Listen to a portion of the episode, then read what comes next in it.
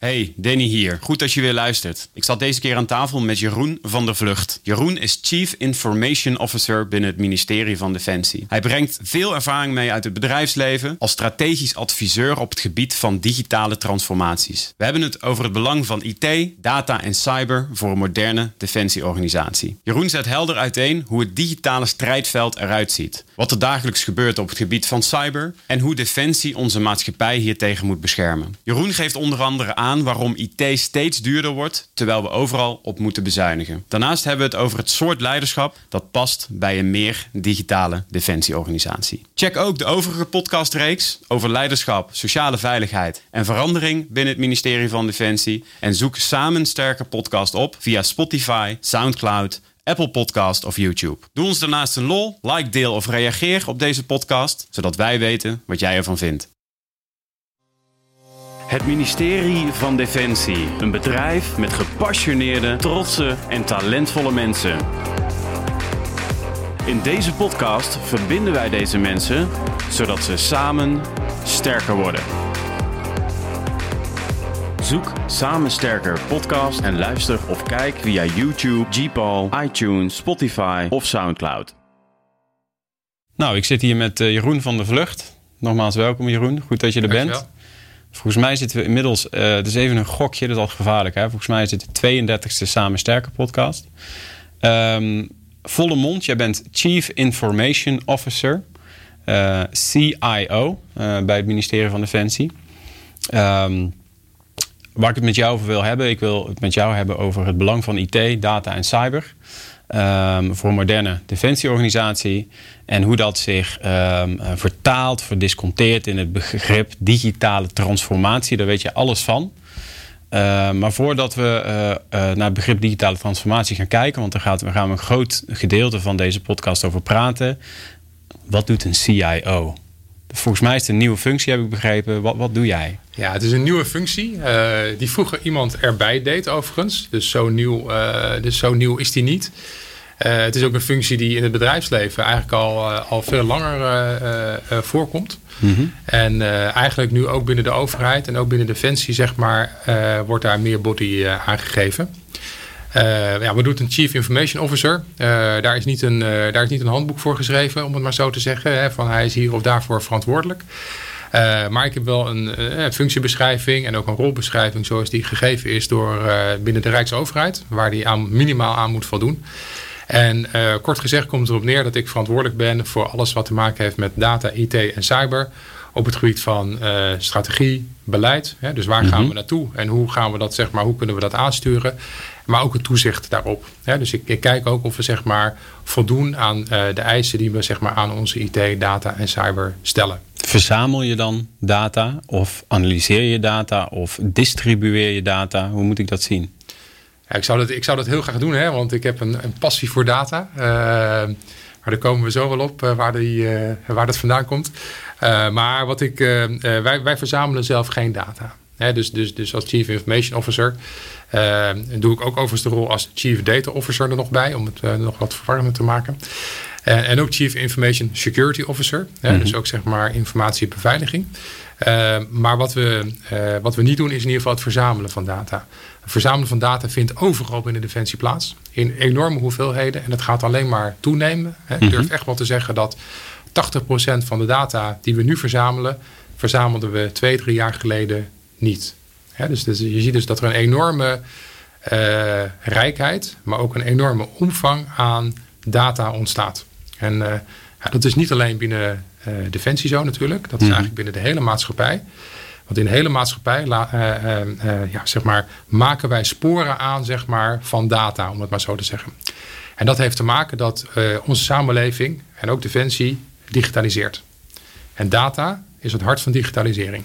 Zonder data is er geen digitalisering. En dan kom je bij van digitale transformatie. want wat betekent dat dan zeg maar, voor, een, voor een krijgsmacht? Ehm, en dat zitten een heleboel goede dingen aan. Uh, maar er zitten ook risico's zitten daaraan. Uh, en hoe zorgen we er naartoe dat we als defensie zeg maar, nou ja, een goede strategie hebben erop. Hè, dat we goed weten waar dat naartoe gaat. dat we dat toevertalen naar zeg maar, richtingen, dus naar beleid. dat we daar kaders voor maken. Dat we zorgen van dat mensen ook weten wat ze moeten gaan doen dan met data. En als ze data gaan verzamelen, ehm, aan welke randvoorwaarden ze dan moeten gaan voldoen. En als we bijvoorbeeld algoritmes gaan maken, want het gaat niet alleen, data gaat niet alleen over, wat mij betreft, over het verzamelen van data, maar gaat ook over het analyseren en bewerken van die data. En uiteindelijk het, zeg maar, het aanreiken zeg maar, van handelingsperspectieven bijvoorbeeld. Uh, als je daarnaar kijkt, uh, dan, is dat een, dan is dat een heel breed uh, palet. maar dat moet je wel op een zorgvuldige manier doen. Want op het moment dat je dat niet zorgvuldig doet en dat je iets te snel gaat, en snelheid hoeft niet een nadeel te zijn, maar op het moment dat je daar onzorgvuldigheid in hebt zitten, ja, dan kan het je zomaar 10-0 op achter zetten. Ja. Want als je bijvoorbeeld op het gebied van privacy of ethiek of andere zaken fouten maakt in het verwerken van je data, dan heb je daar gewoon heel veel en heel terecht heb je daar, heb je daar heel veel last van. Ja. En we hebben dat natuurlijk gezien, even een voorbeeldje buiten Defensie vandaan, bij de Belastingdienst bijvoorbeeld. het aanleggen van lijsten met mensen, eh, het karakteriseren van bepaalde profielen, uh, daar overheen algoritmes om fraude op te sporen. Ja, voordat je dat weet, kom je in een situatie terecht waarbij je uh, besluiten gaat nemen op basis van data, op basis van algoritmes, waar je aan de voorkant beter had moeten kijken. Als defensie, waar we over uh, vrede en veiligheid, maar ook over leven en dood, uh, dan moeten we daar heel zorgvuldig in zijn. Uh, en tegelijkertijd is het de toekomst. dus Heb jij voorbeelden van binnen het ministerie van Defensie? je zegt net, er, er wordt 80% meer data verzameld. Ja. Um, welke voorbeelden die we allemaal kennen of misschien niet kennen, zijn er allemaal van data die verzameld worden, die wel tot um, een verbeelding spreken? Nou, ik denk, ik denk het, een mooi voorbeeld uh, is natuurlijk bijvoorbeeld een, een Joint Strike Fighter, een F-35. Een F-35 uh, kan uh, misschien in de lucht ongeveer net zoveel als een F-16 of misschien iets meer zou kunnen. en tegelijkertijd is dat een enorme datastofzuiger. Hè? Zo wordt het ook vaak bij de luchtmacht wordt het genoemd. Dus er zitten een enorme hoeveelheid meer sensoren in dan in een F-16. Al die, al die sensoren die leiden tot data, tot datapunten en tot datastromen. Uh, die worden soms gebruikt in het toestel zelf. Hè, dat noem je embedded. Dus dat je die data gebruikt om je toestel beter te laten ja, functioneren, om het maar zo te zeggen. Maar een heleboel van die data, die willen we natuurlijk gaan gebruiken om een informatiegestuurde organisatie, informatiegestuurde optreden, mm -hmm. informatiegestuurde organisatie te worden. Uh, dus data zoals? Je kan je bijvoorbeeld voorstellen dat zo'n eh, dat zo'n toestel heel veel beelddata bijvoorbeeld op, opsnuift, uh, opzuigt, uh, moet ik zeggen. Waarbij je dus die verzameld kan worden, die geanalyseerd kan worden. Die kan direct voor een deel geanalyseerd worden, naderhand geanalyseerd worden. En op basis van die data kan je dat bijvoorbeeld weer laten toevloeien naar bijvoorbeeld mensen die op de grond zitten. Hè, die daar bijvoorbeeld een operatie aan het doen zijn. Nou, die hele keten, hè, ehm, uh, Amerikanen noemen dat de kill chain, om het maar zo te zeggen. We hebben het vaak over de OODA-loop. Um, dat staat natuurlijk bol van de data. dus hoe zorg je nou dat de data vanuit zo'n toestel, en ik noem nu even beelddata, uh, dat dat zeg maar uiteindelijk leidt tot nou, mensen die boots on the ground zijn um, en tot nieuwe perspectieven, tot nieuwe handelingsperspectieven kunnen leiden. En dan begrijp je natuurlijk ook dat dat een dusdanig hoeveelheid informatie is die je niet allemaal één op één even kan doorzetten, maar waarbij je dus door middel van algoritmes Ehm, die data moet selecteren, verkleinen, comprimeren. En vervolgens kan gebruiken om andere besluiten te nemen. En dat moet allemaal split second. En dat moet allemaal heel snel. Hè? Dus dat is inderdaad van degene die dat namelijk het snelste kan doen. Daar heb je een competitief voordeel heb je daar zeg maar mee. Uh, dus des te sneller je dat kan doen, uh, des te beter dat is. Uh, en snelheid, maar ook de kwaliteit spelen daar natuurlijk absoluut een rol bij. Ja. dat is bijvoorbeeld één zo'n zo, zo, zo'n, nou, dat klinkt een heel simpel voorbeeld, hè, wat ik nu zeg. Maar om dat te bereiken is er, is er verschrikkelijk veel uh, data voor nodig. Uh, want je hebt over het algemeen veel data nodig om goede besluiten te kunnen nemen. Je hebt algoritme nodig. Je hebt rekenkracht nodig. Uh, je hebt verbindingen nodig om zeg maar, van A naar B te kunnen distribueren. je hebt interoperabiliteit nodig. dus je hebt, je hebt daar verschrikkelijk veel voor nodig. Ja. En dat is een enorme opgave waarvoor wij staan als, uh, als, uh, als Defensie. Want wat één ding wat wel duidelijk is, is van degene die dit het beste beheerst, die zal het conflict van de toekomst kunnen winnen. Ja. Dus dat is, dat is zeg maar. Daarmee zeg je dus dat uh, de digitale transformatie, hè, dus, dus begrippen data en cyber en IT, um, worden eigenlijk belangrijker dan het gevecht van staal tot staal. Ja, ik ben, ben, ben voorzichtig om te zeggen van dat dat uh, belangrijker wordt. Maar ik denk dat het een, een, een, cruciaal onderdeel gaat worden. dus ik denk inderdaad dat ehm, ook als je kijkt naar de, kijk nog eens naar de moderne conflicten, zoals we die hebben gezien in de, in, de, in, de, in de achterliggende periode. En je kijkt bijvoorbeeld naar de Oekraïne of je kijkt naar de Krim. Dan zie je vaak hè, dat het conflict begint met een, zeg maar, een oorlog in het informatiedomein. Uh, dus beïnvloeding dus je, je, verkeerde informatie, foute informatie of informatie wordt op een andere manier geframed. Fake news. Fake news, inderdaad. Ja. Deepfakes, uh, noem maar op. Die worden ingezet om uh, bevolkingsgroepen bijvoorbeeld tegen elkaar op te zeggen. Uh, of bijvoorbeeld om mensen op verkeerde been te zetten qua informatie. Hè, zodat er verkeerde besluiten worden genomen. dus dat wordt als eerste ingezet. Ja. In de tweede stap wordt vaak gekeken naar van... Uh, kunnen we uh, militaire en vitale infrastructuren kunnen we die aanvallen? Mm -hmm. de, de, cyberoorlog, om het maar zo te zeggen. Dus Waterschappen, uh, alles wat invloed heeft op de piramide van Maslow van de samenleving. Precies, inderdaad. Hè. of je nou kijkt naar een colonial pipeline hè, in de Verenigde Staten van een paar weken terug. Hè, commercieel gehackt, maar wel geattribueerd aan een hacker waarvan we weten dat hij ook nauwe banden heeft zeg maar, met de statelijke actor. Ehm, dan zie je dus energie, uh, energieleveranciers, uh, nutsbedrijven zoals water. Ehm, maar denk ook even aan netwerkinfrastructuur, hè, zoals bijvoorbeeld we gebruiken voor telefonie of voor datatransmissie. dat zijn allemaal zeg maar kwetsbare sectoren, of tenminste niet kwetsbare sectoren. Dat zijn sectoren die zeg maar warme belangstelling hebben zeg maar, van statelijke actoren die iets ehm, ja, vervelende dingen in de zin hebben. Ja. Dus dat is vaak de tweede stap die je ziet. Uh, in de derde en de vierde stap zie je vaak wel degelijk dat je te maken krijgt met boots on the ground en met staal op staal. Ja, ja. dus, dus ik ben. Uh, het gevolg van. Ja, ik, ben, ik, ben, ik ben voorzichtig om te zeggen van. Uh, het wordt minder belangrijk of het gaat. Want dat vind ik allemaal kwalificaties. Die plaatsen deze discussie in een. in een wel eens niet eens of een zwart-wit situatie. En het ligt natuurlijk in de toekomst. Dus de toekomst ja. kunnen we niet volledig voorspellen. Nee, maar dat het belangrijker wordt dat, is, dat is één ding wat zeker is. Mhm. En uh, op basis van twee belangrijke drijfveren hebben we zien dat in moderne wapensystemen die staan bol van deze sensoren. Mhm. En die informatie die die sensoren opsnuiven, die kunnen we heel goed gebruiken om betere besluiten te nemen. Ja. we kunnen ook voor andere dingen gaan gebruiken. Dat is één. De tweede die erin zit, is van daarmee creëer je ook zeg maar een kwetsbaarheid. Hè. Dan hebben we het even over die cyberoorlog. Uh, dus dat is zeg maar de tweede dimensie die erin zit. En die dimensies werken op elkaar natuurlijk in. Want tegelijkertijd uh, creëert het een aanvalsoppervlak wat bij ons ligt. Maar ook een aanvalsoppervlak wat ons, bij ons tegenstander natuurlijk ligt. Ja. Die daar ook gebruik van maakt. Ja. En dat is denk ik... Uh, dat moeten we heel goed moeten we dat gaan, gaan organiseren. En hoe, dus, ziet dat, hoe ziet dat er idealiter uit? Als jij, um, als al het geld voorhanden was... Um, iedereen die zou volledig meegaan... Um, hoe ziet dat er dan uit? Hoe ziet de, de krijgsmacht van de toekomst er wat jou betreft uit? Ja, kijk, de krijgsmacht van de toekomst moet zich voorbereiden op een hybride conflict. Mm -hmm. um, een conflict wat zich niet alleen met zeg maar, traditionele middelen zal plaatsvinden, maar ook voor een belangrijk gedeelte in het virtuele domein zal plaatsvinden. Um, dat virtuele domein, daar waar defensie betreft, hè, dus waar het onze eigen systeem betreft, dat is natuurlijk helemaal onze eigen verantwoordelijkheid. Uh, daar waar het gaat bijvoorbeeld om uh, ja, die energiebedrijven waar je het net over had. Uh, dan is het natuurlijk een interessante vraag gaat worden van ja, wat is de rol van Defensie daar dan in? Ja. Ehm, want wij hebben daar nu geen rol in. Hè? Op het moment dat er, dat er een fysieke dreiging is in het fysieke domein. ehm, vliegtuigen, schepen, voertuigen. Dan is Defensie daarvan. Ja. Op het moment dat het in het virtuele domein is. Dan is, dat, dan is Defensie daar in ieder geval, nou ik zeg het niet als enige van.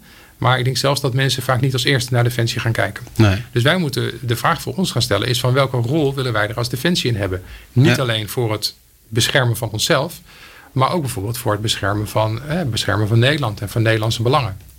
Ehm, nou, dat is een, dat is Dus een eigenlijk zeg je welke actoren zijn er nodig om de vrede en veiligheid van Nederland te waarborgen? En dat kan zijn dat dat eh, meer actoren zijn dan dat dat nu zijn. Ja, ik denk inderdaad wat je zal zien. Hè, dat is, daar, daar, daar spelen ook gewoon andere partijen als een NCTV en NCSC, maar ook de politie. Die spelen daar natuurlijk uh, ook een belangrijke rol in. En ik denk dat Defensie daar ook een belangrijke rol in speelt. Maar hoe die rol er dan precies uitziet, uh, ja, dat weet ik gewoon nog niet op dit moment. Nee, Hè, van welke, welke rol willen wij hebben, zeg maar. Ehm, op het gebied van defensieve cyber en offensieve cyber. Ja. Ehm, en dat is echt iets wat, eh, ja, wat, wat echt wat in ontwikkeling is. En dat is echt in de toekomst kijken. Ehm, je weet wel dat het een belangrijke, dat het een onderdeel gaat worden van onze taak. Uh, dat we dat ook samen zullen doen met andere partijen. Want wat je ook ziet, ik gaf net even dat voorbeeld van die Colonial Pipeline. Maar wat we natuurlijk zien is dat het is niet alleen. En vroeger was het zo: had je een statelijke actor en die gaf een dreiging. Hè? Het kwam uit Rusland vandaan, of het kwam uit China vandaan, of het kwam. Maar het is wat diffuser geworden. Want we zien uh, in het virtuele domein zien we hackersgroepen. Uh, ja, die soms voor de overheid werken, uh, maar soms voor zichzelf werken. En waarbij het heel moeilijk is van ja, weet je wel, voor, voor wie doen ze het nu? Doen ze het nu voor een eigen boterham op dit moment? Of zijn ze ingehuurd? Of werken ze voor? Of hè, werken ze Ja. voor een statelijke actor? Een soort digitale gar- guerrilla. Eh, Ja, precies inderdaad. Het is, het is, het is, niet, zo, het is niet zo eenduidig meer zoals Nee. het vroeger was. En dat is ook, maakt de attributie natuurlijk ook heel erg lastig. Kijk, als je natuurlijk het, kijkt naar de, eh, het conflict bijvoorbeeld in Afghanistan... eh, daar kan je natuurlijk wel een, een, een vrijwel een directe rode lijn trekken... met zeg maar de gebeurtenissen rondom 9-11. hè, De aanslagen op het WTC. Ja. Of onder meer het WTC. En de opkomst van Al-Qaeda...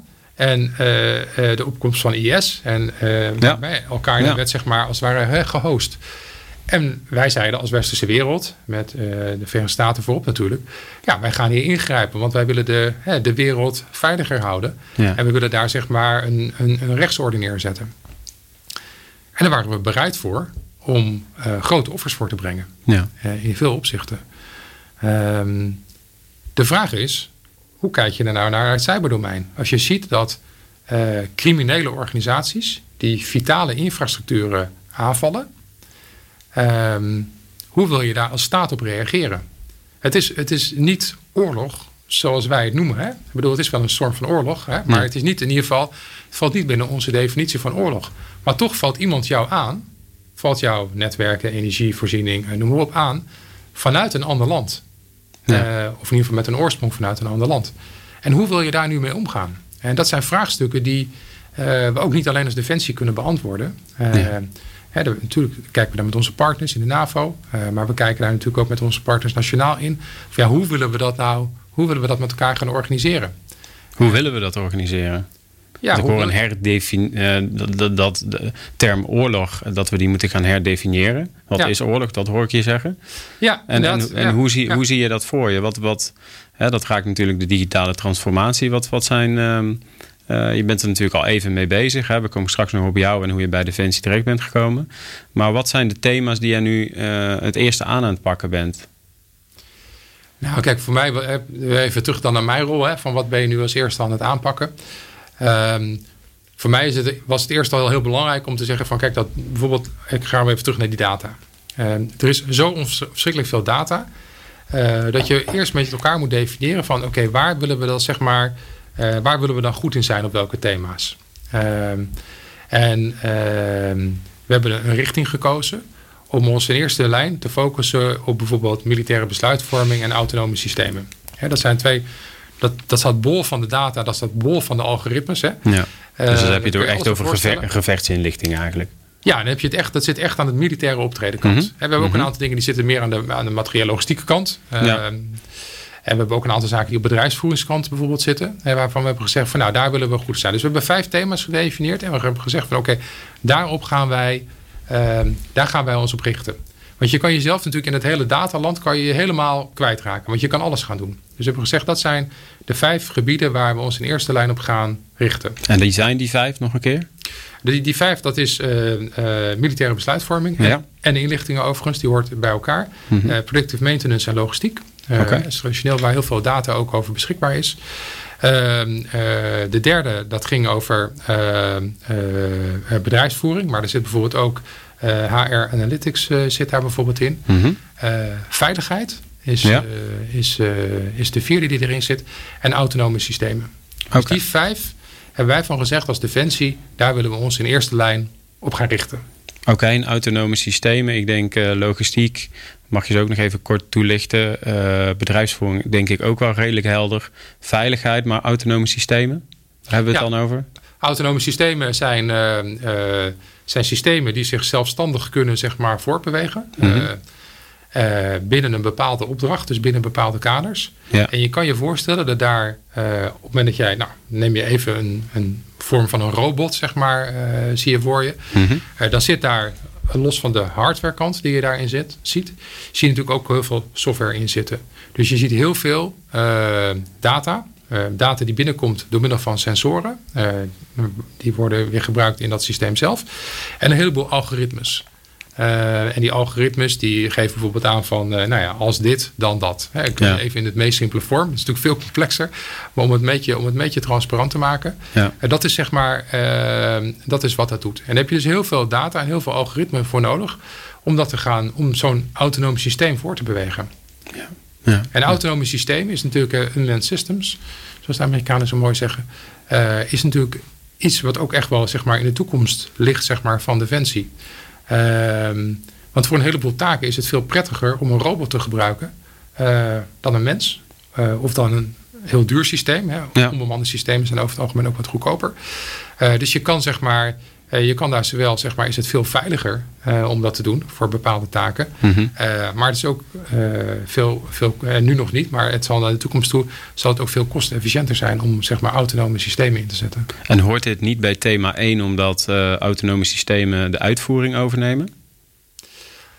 Nee, want ik denk dat autonome systemen nooit helemaal zeg maar, de uitvoering over zullen nemen. Ja, we hebben er natuurlijk wel voor gekozen dat autonome systemen wij noemen dat meaningful human control, hè? dus betekenisvolle menselijke Ja. uh, Ja. uh, controle. Uh, dat, dat zit zeg maar in de, in de definitie die wij hebben rondom autonome systemen, is dat heel erg belangrijk. Uh, waarom? Om te voorkomen dat je discussies krijgt over bijvoorbeeld killer robots en dat soort zaken. Ja. Uh, dus je wil uiteindelijk niet, hè, ik noem het altijd even als voorbeeldje, de, de robotstofzuiger die mensen dan thuis hebben. En dat die robotstofzuiger denkt van, ja, hoe kan ik dit huis nou het meest schoon krijgen? Uh, nou, dat is eigenlijk om die bewoner die hier woont, om die zeg maar in de, in de, in de, in de kelderkast te stoppen en de deur op slot te doen. Ja. Maakt heel plat te zeggen. Ja, ja, ja. Hè, je wil niet zeg maar dat een, dat een algoritme tot, tot dat soort conclusie. Dit is natuurlijk, dit is natuurlijk een. Zou dat wel kunnen? Ja, op dit moment nog niet. Uh, Nee. Op dit moment kan het zeker niet. Uh, Nee. Omdat gewoon de stand van de techniek gewoon nog niet zo ver is. En ik denk ook dat het echt nog wel decennia gaat duren voordat we zeg maar, op dat niveau komen. Maar het is wel goed om daar nu al over na te gaan denken. Dus welke ethische grenzen Ja. eh, eh, leggen wij eh, of stellen wij aan, aan autonome systemen? Ja. Dat, is wel, dat is natuurlijk wel heel cruciaal. Ja. En daar proberen wij ook internationaal gezien, wordt geprobeerd om daar afspraken over te maken. Hè, wij doen ook mee aan allerlei internationale fora om daar, ja, om daar afspraken over te maken. Maar je kan je wel voorstellen dat dat lastig is. Hè, want Ja. eh, de, de belangen van landen lopen daarin uiteen. Maar ook de manier waarop landen naar dit soort systemen kijken lopen uiteen. Ja. Eh, dat hoef ik je niet uit te leggen, denk ik. Dus ja, goed. En het is natuurlijk wel zo dat deze technologie eh, een, een, een drone of een, eh, ja, of een, of, of een simpele robot, die kun je natuurlijk bij wijze van spreken commercieel gewoon op de markt kopen. Ja. In tegenstelling tot een geavanceerd wapensysteem, waar dat dus niet kan. Waar allerlei restricties rondomheen zitten. Ja. Of waar het technologisch zo moeilijk is, hè, bijvoorbeeld een, eh, een, eh, een, een nucleaire capaciteit, waar het zo kostbaar is en zo lang duurt om dat op te bouwen. Waardoor je dat als internationale gemeenschap toch tot op zekere hoogte kan reguleren. Ja. Eh, dat is natuurlijk in het cyberdomein. en als ik dan even, dan even mijn autonome systemen daar ook onder schaar, is dat natuurlijk niet zo. Tools om te hacken, die zijn gewoon op het dark web gewoon te koop. Ja. Eh, persoonsinformatie over, over ons waarschijnlijk ook, is gewoon op het dark web gewoon te koop. Ja. Eh, wat je kan aanwenden voor criminele doelstellingen, maar wat een statelijke acteur ook zeg maar kan gebruiken voor, eh, voor, voor haar doelstellingen. Ja. Ja. Ja. Ja, dus, die, dus, die, dus de grens van die, dus die wapens, die, die zijn natuurlijk eh, zo, die, die cyberwapens die zijn natuurlijk zoveel makkelijker verkrijgbaar dan een, dan een geavanceerd wapensysteem. Ja. Wat jarenlang duurt om het zelf te ontwikkelen. En we zien dat natuurlijk aan landen ook. Eh, dus dat is echt een hele, je komt in een heel ander, een heel ander spel terecht. Wat, wat, wat, wat, eh, wat moet er worden geïnvesteerd door Defensie? Eh, niet alleen in geld, want alles kost geld. Maar wat hebben wij nodig om die digitale transformatie, om de strijd te winnen tegen al deze ehm, eh, zaken die je zojuist opgenoemd hebt? Ja, en we hebben er, we hebben er volgens mij drie, drie belangrijke dingen voor nodig. Eh, in de eerste plaats eh, heb je natuurlijk, eh, ja, heel plat gezegd, ehm, Iedereen denkt altijd aan IT, aan nulletjes en eentjes, hè, om het maar zo te zeggen. Uh, maar IT is ook een heleboel zaken die je gewoon fysiek kan vastpakken. Hè, bedoel, op het moment dat jij een datacenter binnenloopt, dan is dat echt een, dan is dat een gebouw. En daar staan routers en switches en netwerkcomponenten. Daar staan servers en daar draaien applicaties op. Enorme energievoorzieningen erbij. dus, dus, het is, dus het is voor een deel ook gewoon investeren in uh, basis IT-infrastructuur. Uh, want wat we net al zeiden, die data die moet je ergens kunnen opslaan. Die data moet je kunnen bewerken, die moet je kunnen analyseren en die moet je weer kunnen distribueren. Ja. Ja, wat heb je daarvoor nodig? Dat is voor een deel ook echt gewoon basis IT-infrastructuur. Nou, dat zijn we aan het doen hè, met een aantal grote programma's die we binnen Defensie lopen. Grensverleggende IT is daar een van. Foxtrot is daar een andere van, maar Vos is daar ook wel heel duidelijk eentje van. Dus we, dus we hebben een aantal programma's om die basis IT-infrastructuur uh, te regelen. Zijn we er dan? Zijn we er dan? Nou nee, daar zijn we er nog niet, helaas. Dat betekent ook dat we bijvoorbeeld op het gebied van data analytics moeten we uh, aparte platformen moeten we gaan bouwen. Hè, om te zorgen dat we die data veilig, uh, veilig ook en gedistribueerd kunnen gaan aanwenden. Want sommige data wil je niet, die zijn zo, dit kan aan de omvang liggen, maar dat kan ook aan de veiligheidseisen liggen die je daaraan stelt. Die wil je niet zeg maar bijvoorbeeld over hele lange afstanden heen sturen. Hè. Dus dat wil je dicht bij de bron wil je die houden. Dus dat is één wat we nodig hebben. Twee wat we natuurlijk nodig hebben zijn mensen uh, die daarmee kunnen omgaan. Uh, dat, dat is kennis en kunde op het gebied van bijvoorbeeld data science. Maar er zijn ook mensen die verstand hebben van bijvoorbeeld privacy en ethiek. maar ook mensen die zeg maar, in leiderschap ermee kunnen omgaan. Dus die kunnen aangeven zeg maar, van hoe ga ik nu om zeg maar, in een situatie van man-machine teaming en dat soort zaken. Dus hoe kan ik als leider kan ik niet alleen gebruik maken van mijn intuïtie en van mijn expertise en van mijn mhm. agiliteit. Maar hoe kan ik uh, data gedreven uh, leiderschap, uh, kan ik daar ook een onderdeel van maken? Het, is, het, vervangt het niet, maar het komt, hè, dat komt wat mij betreft echt zeg maar ernaast te staan. Hè. Dus we moeten behoorlijk, denk ik ook investeren in kennis en kunde enerzijds. Maar ook anderzijds van hoe, hoe, hoe, gaan we daar dan zeg maar mee om zeg maar, binnen Defensie? Ja, dat is het thema van, van leiderschap. Dus je zegt kennis en kunde. Uh, je zegt aan de andere kant ook, uh, er moeten datacenters gebouwd worden. Dus, ah, er moet, ja. dus, dus het is meer dan dat. Uh, we hadden het er in het voorgesprekje even over dat er liggen schepen aan wal. Ehm, we zijn ook flink aan het bezuinigen geweest de afgelopen decennia, kun je wel zeggen. Ja. Um, maar toch um, hoor ik ook van jou dat we echt moeten gaan investeren in IT. Ja. klinkt als een spagaat. Ja. Um, zou je daar eens wat meer over kunnen vertellen? Dat de mensen uh, begrijpen waarom dit zo belangrijk gaat zijn? Ja, waarom het zo belangrijk is, is denk ik... Hè, het, het, conflict van de toekomst wordt niet meer alleen in het, in het fysieke domein... Hè, van staal op staal zeg maar, uitgevochten. Hè, dus er komt, er komt dat bij, om het maar zo te zeggen. Uh, en daar moeten we ons op voorbereiden. En dat vindt ze weg door al die sensoren die we moeten gaan ontsluiten. Eén. Maar twee, ook ons voorbereiden op een, op een tegenstander die ook zeg maar in het virtuele domein, in dat cyberdomein, opereert. Um, dus daar moeten, we, daar moeten we goed naar kijken. Um, ik vind het altijd, even de parallel, we gaan er ongetwijfeld straks op komen, maar ik kom uit het bedrijfsleven vandaan. Uh, en als jij een eigen bedrijf hebt, uh, of jij werkt bij een grote organisatie, uh, en jij hebt een verkeerd product of een verkeerde dienst, dan zal je merken dat dat niet wordt afgenomen. Hè, dan wordt het niet verkocht. En dan krijg jij op een gegeven moment, of je moet er zelf heel veel geld bij gaan leggen, of jouw aandeelhouders die gaan zeggen van, goh, uh, meneer Van der Vlucht, is dit nou wel een verstandige keuze die u heeft gemaakt? Uh, dus met andere woorden, je hebt een soort marktfeedback. Je hebt een soort marktmechanisme die jou ja, corrigeert, om het maar zo te zeggen.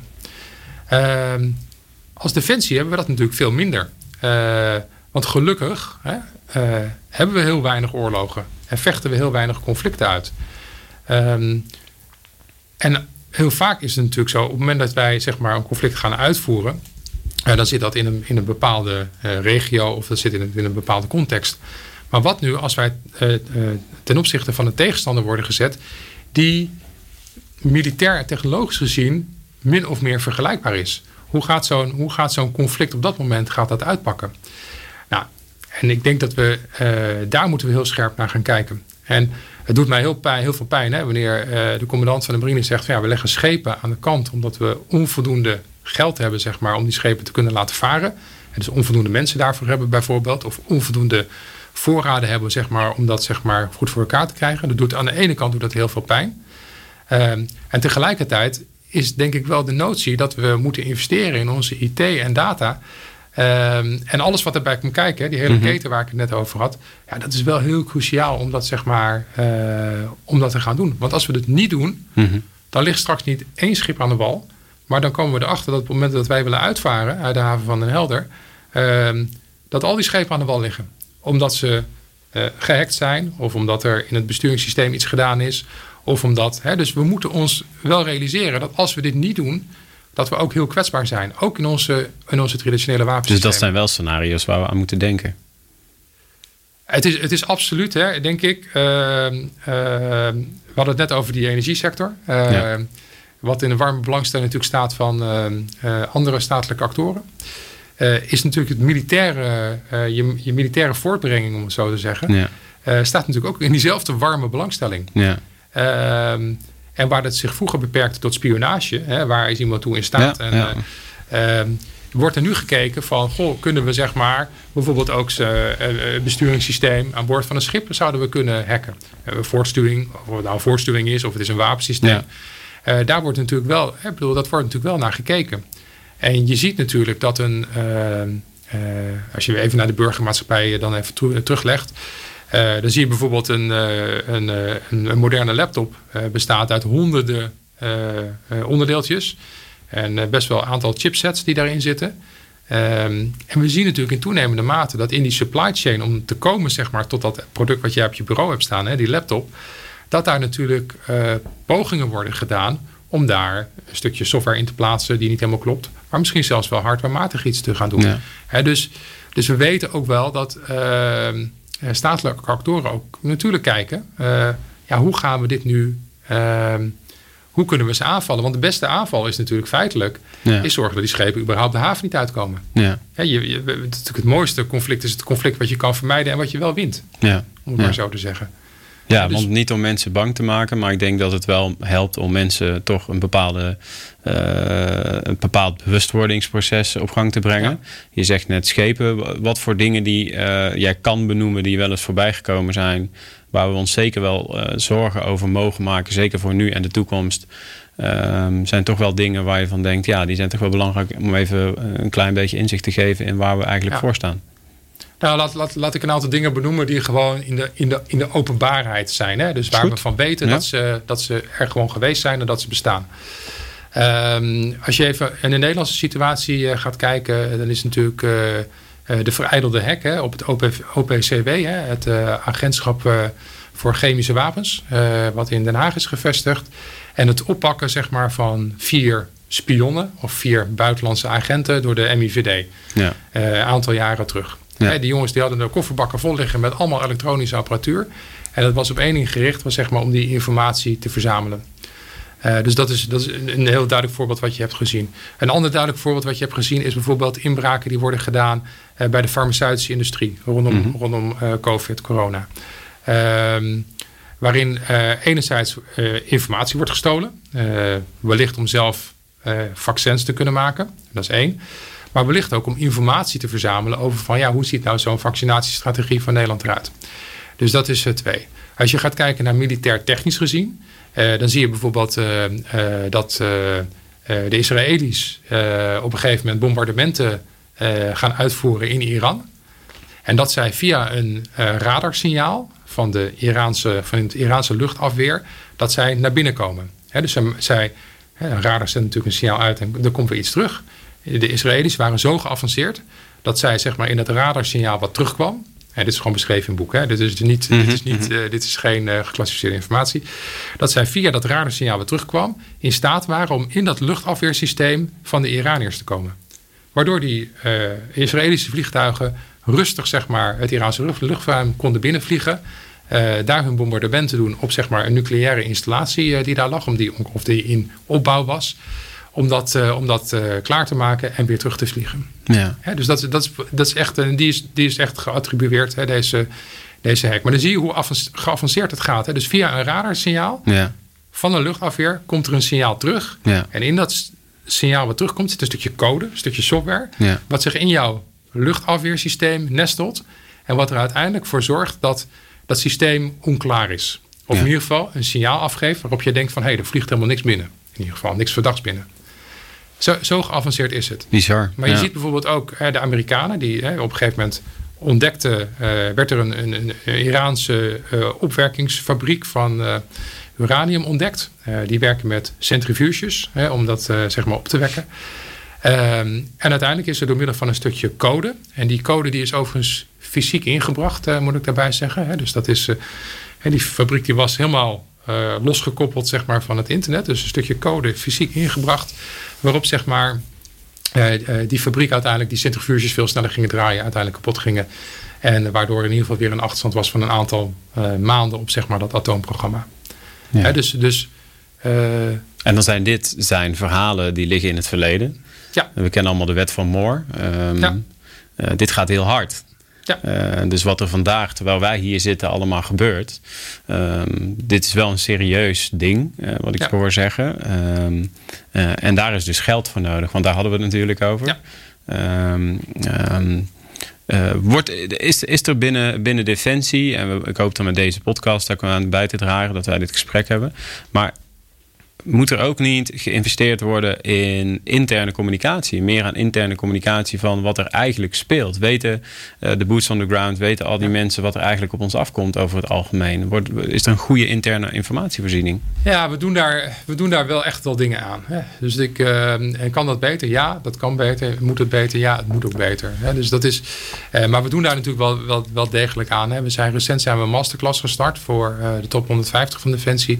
Waarin we zeg maar uh, die cyberdreiging is onder meer, maar data is ook een onderwerp en cyber is ook een onderwerp, waarin we die cyberdreiging proberen te duiden. Uh, met externe sprekers overigens, hè, bijvoorbeeld van de NCTV, NCSC, die vertellen over van hè, wat, wat, wat zien wij nou, wat zien wij nu gebeuren. Mm -hmm. uh, dus de bewustwording, ja, die is er wel. met iedereen die ik spreek binnen de top van Defensie, onderschrijft, dat, onderschrijft het beeld. Hè? Dus dat is niet, uh, en daar kun je ook van alles over lezen, uh, iedere dag bij spreken in de krant. Uh, dus dat is niet zeg maar waar het in zit. Het gaat er uiteindelijk om dat, dat je keuzes moet maken. En dat, dat is natuurlijk verdraaid lastig. Ja. Want ehm, de keuze voor meer geld naar cyber en IT leidt natuurlijk bij gelijkblijvend budget, hè, om het maar zo als dat gelijk blijft, en natuurlijk toe dat je keuzes moet gaan maken in andere domeinen. En dat is natuurlijk altijd heel vervelend en moeilijk. Ja. Dat zijn moeilijke keuzes die je moet maken. En um, nou, vandaar natuurlijk ook onze roep hè, om uh, meer geld voor defensie. Uh, nu ook in deze, uh, richting deze kabinetsformatie. gelukkig zijn daar een heleboel mensen in Nederland zijn het er wel over eens dat er meer geld naar defensie moet. Uh, we hebben dat ook in de defensievisie natuurlijk neergezet. Hè, defensievisie 2035. Hoeveel miljarden extra voor een, hè, voor, een, voor een goede defensie. Wat ook opgewassen is zeg maar, tegen die cybertaak. Uh, maar goed, zoals altijd is dat natuurlijk uh, in het publieke domein... is dat natuurlijk altijd wel een afweging. Uh, dus ehm, ja, en dat maakt het, en dat maakt het lastig. Ja. En want ja. ik vind het heel moeilijk om tegen collega's te zeggen... natuurlijk van ja, ik, ik heb wat meer geld nodig... En ja, maar daardoor krijg jij wat minder geld. Dat is natuurlijk wel dat is natuurlijk een lastige boodschap. Want ik zie ook wel in dat dat uh, fysieke conflict uh, natuurlijk niet, dat zal natuurlijk niet weggaan. Nee. Ja, dat nee. zal niet stoppen. Uh, maar tegelijkertijd zien we wel tegenstanders ja, die zeg maar in dat digitale domein zich tot de tanden toe bewapenen, om het maar zo te zeggen. Ja. En dat bereid zijn om ook gewoon ja, bijna schaamteloos zeg maar, in te zetten. Ja. En of je nou gaat kijken naar een Colonial Pipeline, maar ook zeg maar de exchange hack hè, die, we, die we een maand of drie geleden hadden, ja. um, is natuurlijk geattribueerd aan een statelijke actor. Uh, SolarWinds, uh, wat weer, uh, denk vijf, zes maanden geleden zat. Hè. SolarWinds is een, mm -hmm. levert een product wat ehm, je netwerk, zeg maar, ehm, je, je IT-netwerk, wat je IT-netwerk zeg maar in kaart brengt en scant op kwetsbaarheden. Uh, en daar bleek een stukje code in te zitten uh, wat kwetsbaar was. En waarmee buitenlandse uh, nou, statelijke actoren konden inbreken in vitale Amerikaanse en ook Europese organisaties. Ja, ja, en ja. dit is wel. um, en dus ja, het, het gebeurt. en, en we zijn onder het gemak van IT en het gebruik van IT. Uh, zit, ook een, zit ook een downside in dat het heel kwetsbaar is. Ja. Op het moment dat wij met z'n allen gaan thuiswerken, Ehm, en we doen dat via onze eigen wifi-netwerkjes, et cetera.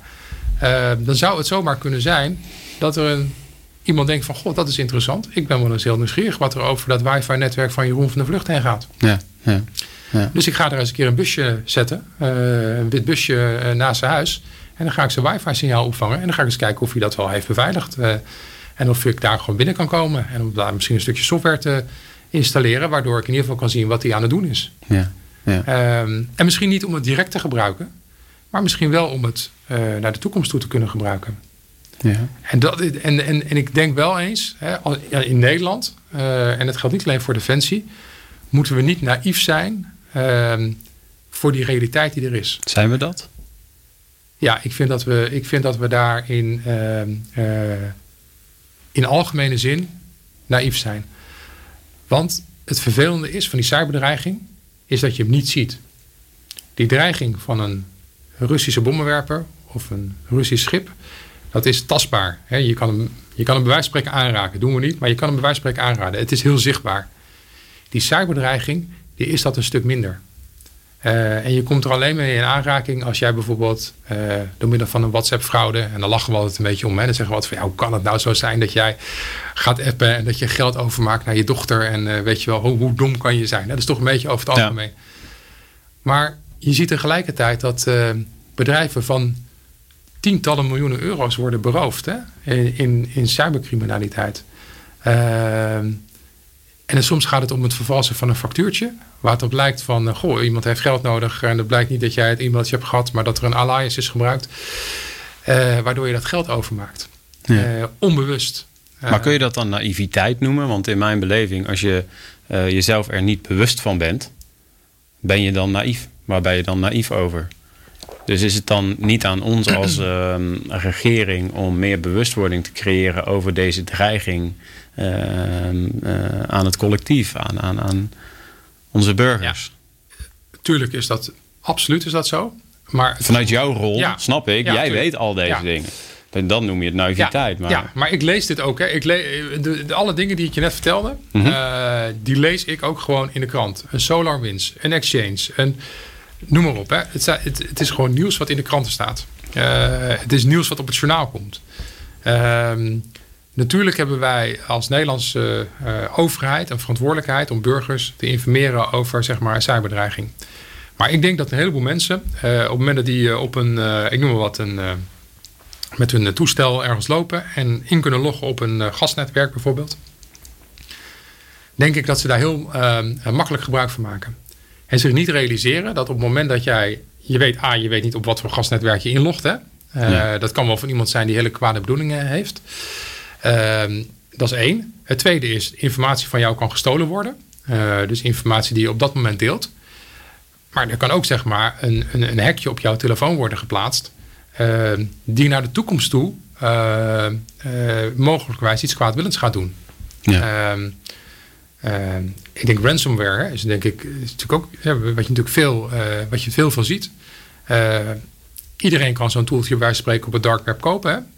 Iedereen kan dat exploiteren. Ehm, natuurlijk, het is, het is hartstikke strafbaar.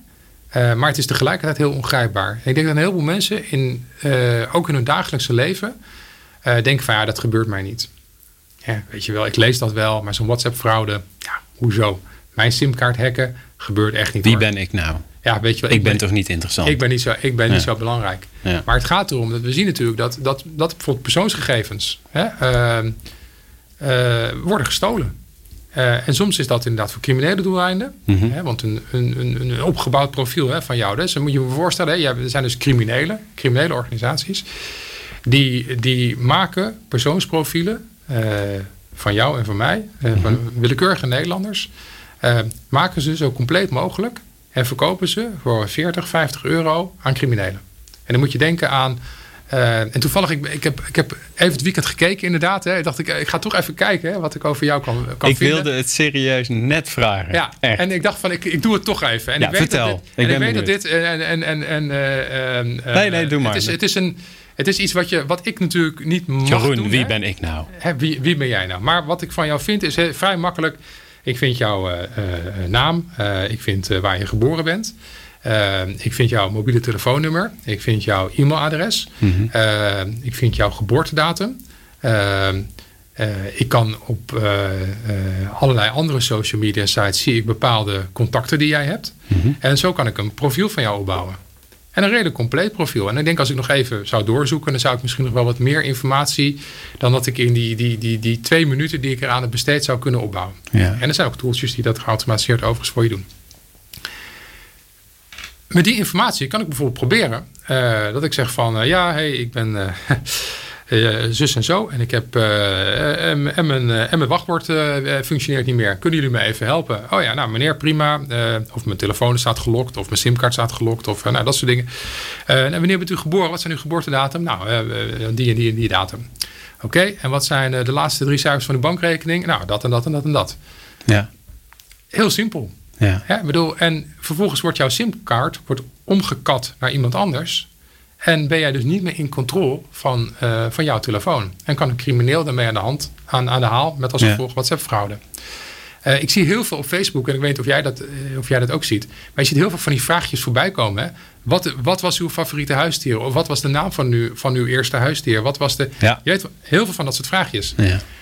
Nou, wat voor vragen zijn dat nou typisch? Dat zijn vaak controlevragen die ook gesteld zijn bij, wachtwoorden. bij wachtwoorden. Ja, klopt. Ja. Dus het is het lijkt een hartstikke onschuldige vraag die daar gesteld wordt. Ja. Waar, waar ik altijd zie waarop tienduizenden mensen reageren. Ja. Maar die niet zo onschuldig is. Ja. Want er zitten wel organisaties achter die dus die vragen verzamelen. En dus uiteindelijk van jou en van mij een profiel opbouwen. Waarmee ze mogelijk naar de toekomst toe iets kwaadwillends kunnen doen. Ja. Uh, en het kan uh, chantabel zijn. Het kan uh, crimineel zijn in de zin van dat er wordt geprobeerd om jouw computer te hacken voor geld. Ja. Maar het kan ook zijn dat er geprobeerd op jouw naam, rekeningnummer dingen te bestellen en ergens anders te laten afleveren. Ja.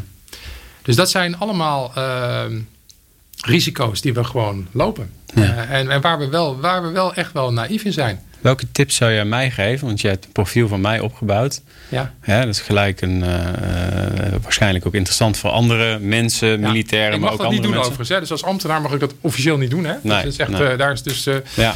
heel veel om te doen geweest. Maar wat is het laagplukkend fruit? Wat je zegt, als je je nu tot mij richt, hè, maar eigenlijk dus tot iedereen. Wat kunnen we sowieso al doen om onszelf beter te beschermen tegen cybercriminaliteit? Nou, zorg dat, dat persoonsgegevens, zoals je telefoon, je e-mail, je geboortedatum, uh, je adres, uh, uh, in ieder geval niet zichtbaar zijn op een publiek profiel. Of dat nou een Facebook profiel is, of een LinkedIn profiel is, of een ander profiel is. Dus zorg ervoor dat die informatie, dat die, dat die niet makkelijk vindbaar is. want dat is, dat is gewoon echt het, het laaghangende fruit wat er zeg maar gewoon in zit. Dus dat is in de, in de eerste plaats.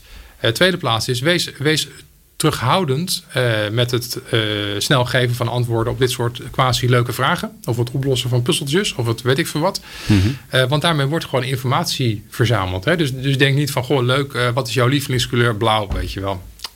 Waanzin. Ja. Bedoel, ga, ga gewoon geen antwoord geven op dat soort vragen. Dus dat is in de tweede. In derde plaats, wees zorgvuldig met wie je je informatie deelt.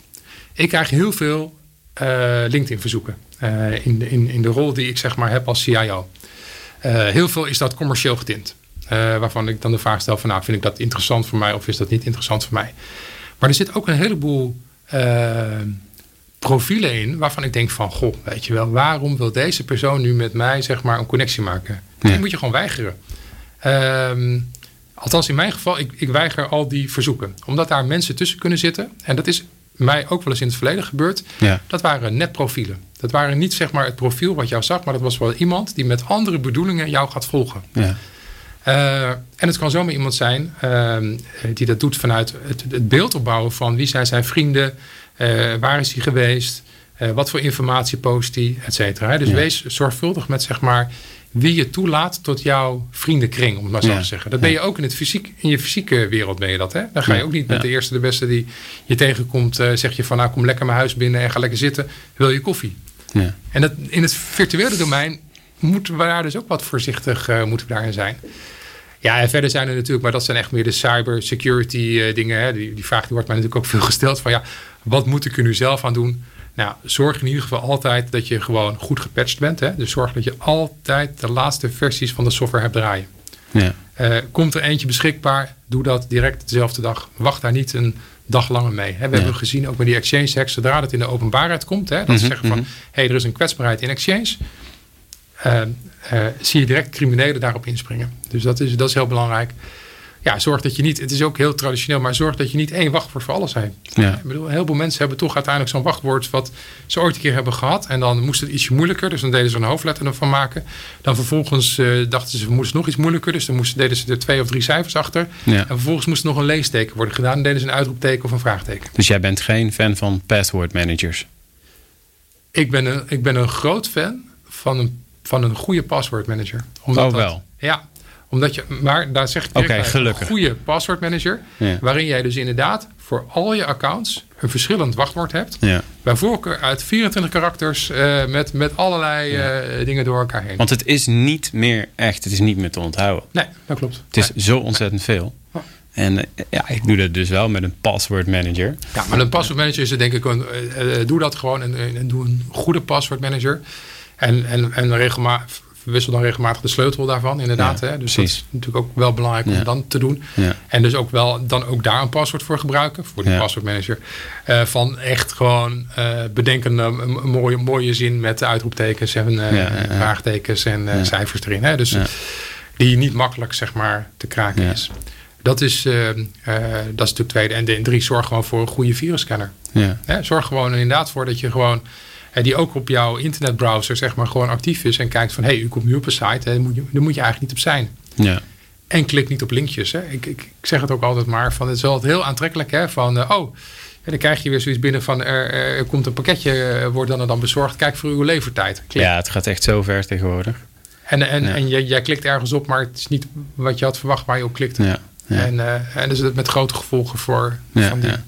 Ja. dus ik denk dat ehm, ja, dat zijn gewoon een aantal tips. Uh, die we ook gewoon binnen Defensie uh, daar scherp moeten zijn. Uh, maar waar we echt zeg maar gewoon ehm, minder naïef moeten zijn. dat geldt voor de hele Nederlandse samenleving. Dat geldt dus ook gewoon voor Defensie. Als we kijken naar leiderschap. Ehm, ik zou bijna zeggen, eh, het is de hamvraag. Uh, je, wil een, een, digitale transformatie inzetten. Uh, dat vergt een combinatie tussen het digitale domein. Hè. We hadden het straks over mens-machine teaming. Ja, ehm, welk leiderschap is er nodig? Welk talent is er nodig in de organisatie om deze digitale transformatie ehm, sneller te laten gaan? Want het kan nooit snel genoeg gaan als ik dat zo hoor eigenlijk. Ja, ik denk dat je wat heel belangrijk is, is diversiteit hè, in je leiderschap. Uh, en diversiteit, uh, niet, niet, niet, niet alleen man-vrouw, zoals we traditioneel vaak over praten, maar ook mensen met verschillende achtergronden. Uh, mensen met technische achtergronden, maar mensen ook met, met, met meer sociale achtergronden daarin. En ook mensen die veel verstand hebben van digitalisering, die dat ook bij bedrijven bijvoorbeeld hebben gezien. Uh, maar ook mensen die gewoon uh, weten gewoon hoe het, uh, hoe het, vak, hè, het vak van militair zijn werkt. Hè. Dus mhm. die, ik denk dat je dus diversiteit in je leiderschap is cruciaal om um, succesvol te zijn. Want digitalisering is niet alleen een kwestie van ja, techniek. Hè. is niet mhm. alleen van IT en data en cyber. Hoe graag ik er ook over praat. Maar het is ook, het is ook zeg maar dat je dat op een goede manier kan toepassen. Ja. en het goede manier toepassen uh, dan heb je verschillende achtergronden nodig. Uh, dan heb je vakkennis nodig uh, van militairen. Die dat ook kunnen zeggen van ja, maar wat je nu aan het doen bent. Hè, wat je nu aan het analyseren bent. Ja, dat slaat echt nergens op. Want daar heb ik echt helemaal niks aan op de werkvloer. Ja. En dus je hebt, je hebt eigenlijk een breed, divers leiderschap nodig. Ehm, ik denk dat dat is heel, heel, heel cruciaal. en ik denk ook een leiderschap wat durft te experimenteren, zeg maar, met nieuwe technologie. Ehm want die nieuwe technologie, als je, als je dan innovatief wil zijn, hè, want, want vaak wordt zeg maar, technologie, innovatie uh, wordt, zeg maar, in, in dezelfde zin uh, genoemd. Um, dan moet je durven experimenteren met, met, met kleine experimentjes. hey, werkt dit hier? Ah, het werkt niet. Stoppen we er gewoon mee en we gaan door met de volgende. Uh, hey, het is succesvol. Hoe kunnen we dan naar productie brengen? Hoe kunnen we dan breder gaan uitrollen?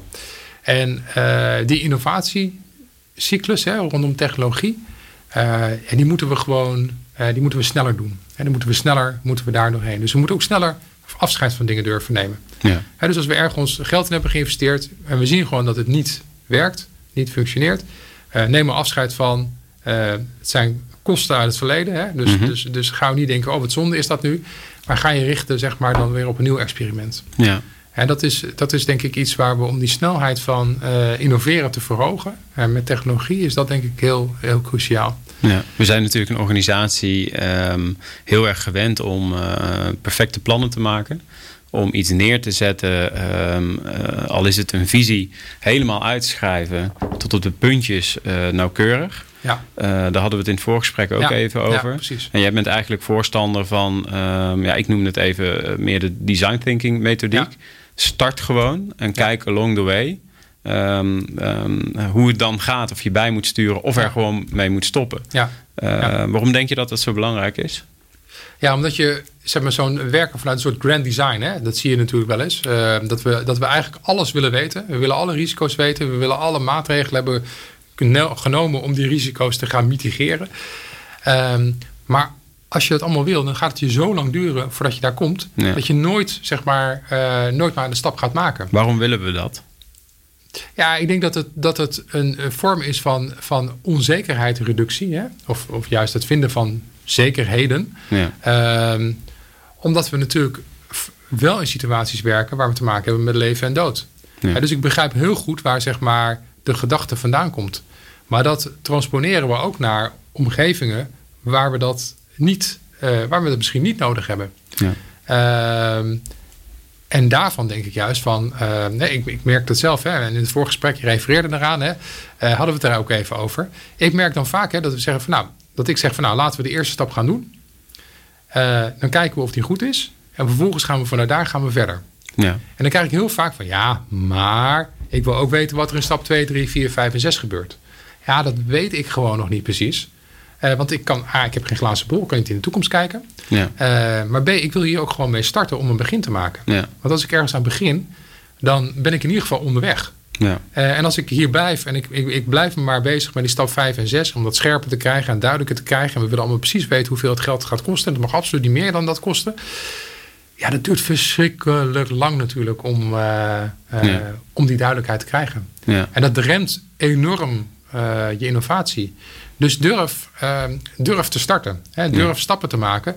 Ook als je niet alles aan de voorkant ja, duidelijk hebt. En, en dan geeft het ook niet om te falen. Ik bedoel, eh, eh, falen wordt natuurlijk vaak gezien met, als een soort eh, als, als iets van ehm, ja, het is misgegaan, het is mislukt. ja.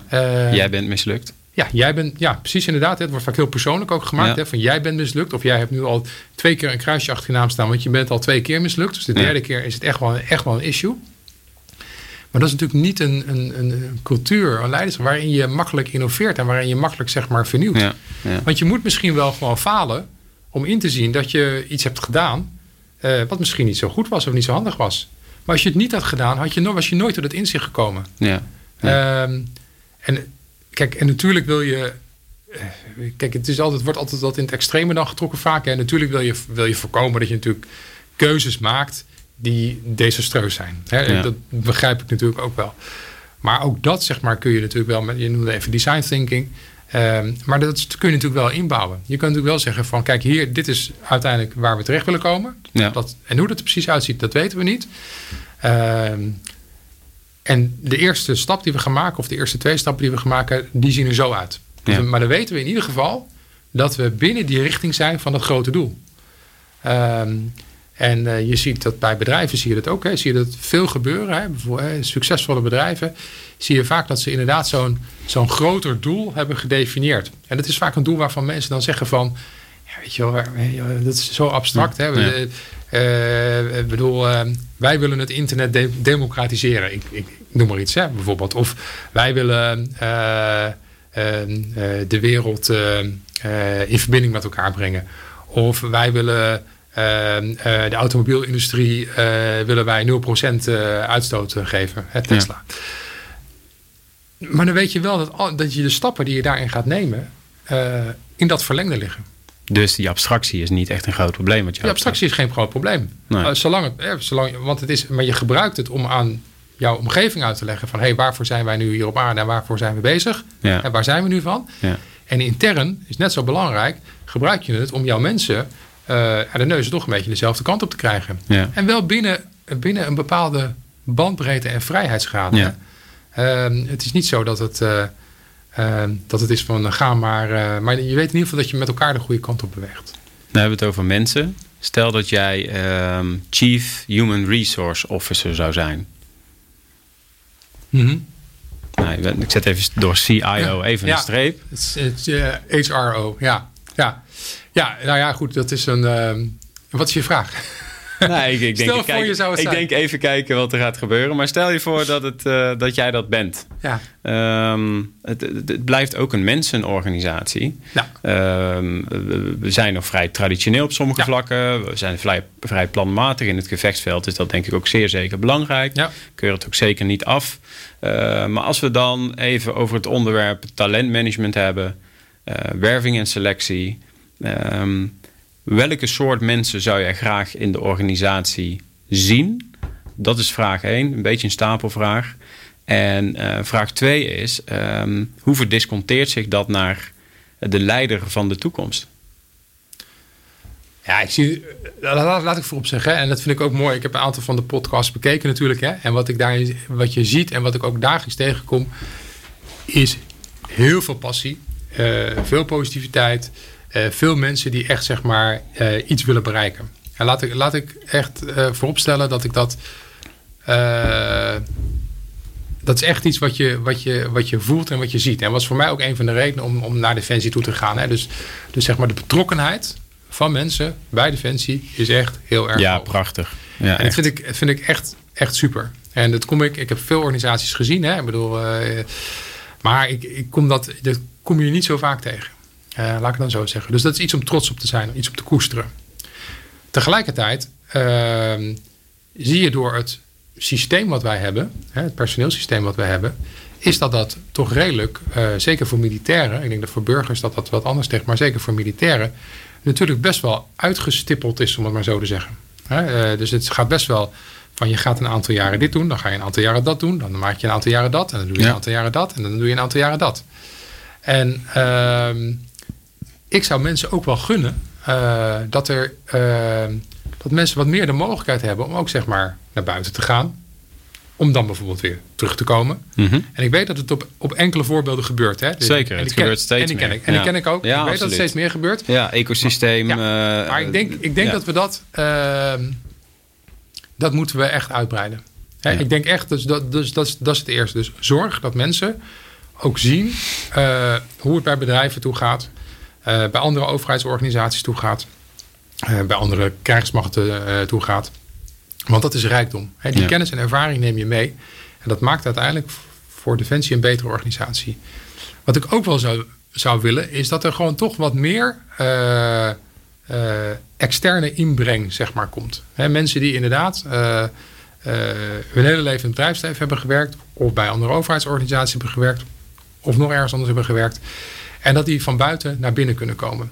En dat gebeurt ook, hè, maar ook de voorbeelden daarvan die zijn eh, best wel zeldzaam. Zeker, zeker in het militaire gedeelte. En ik begrijp heel goed waarom dat zo is. Ik bedoel, begrijp heel goed dat het vak van militair een bepaalde opleiding is en een bepaalde.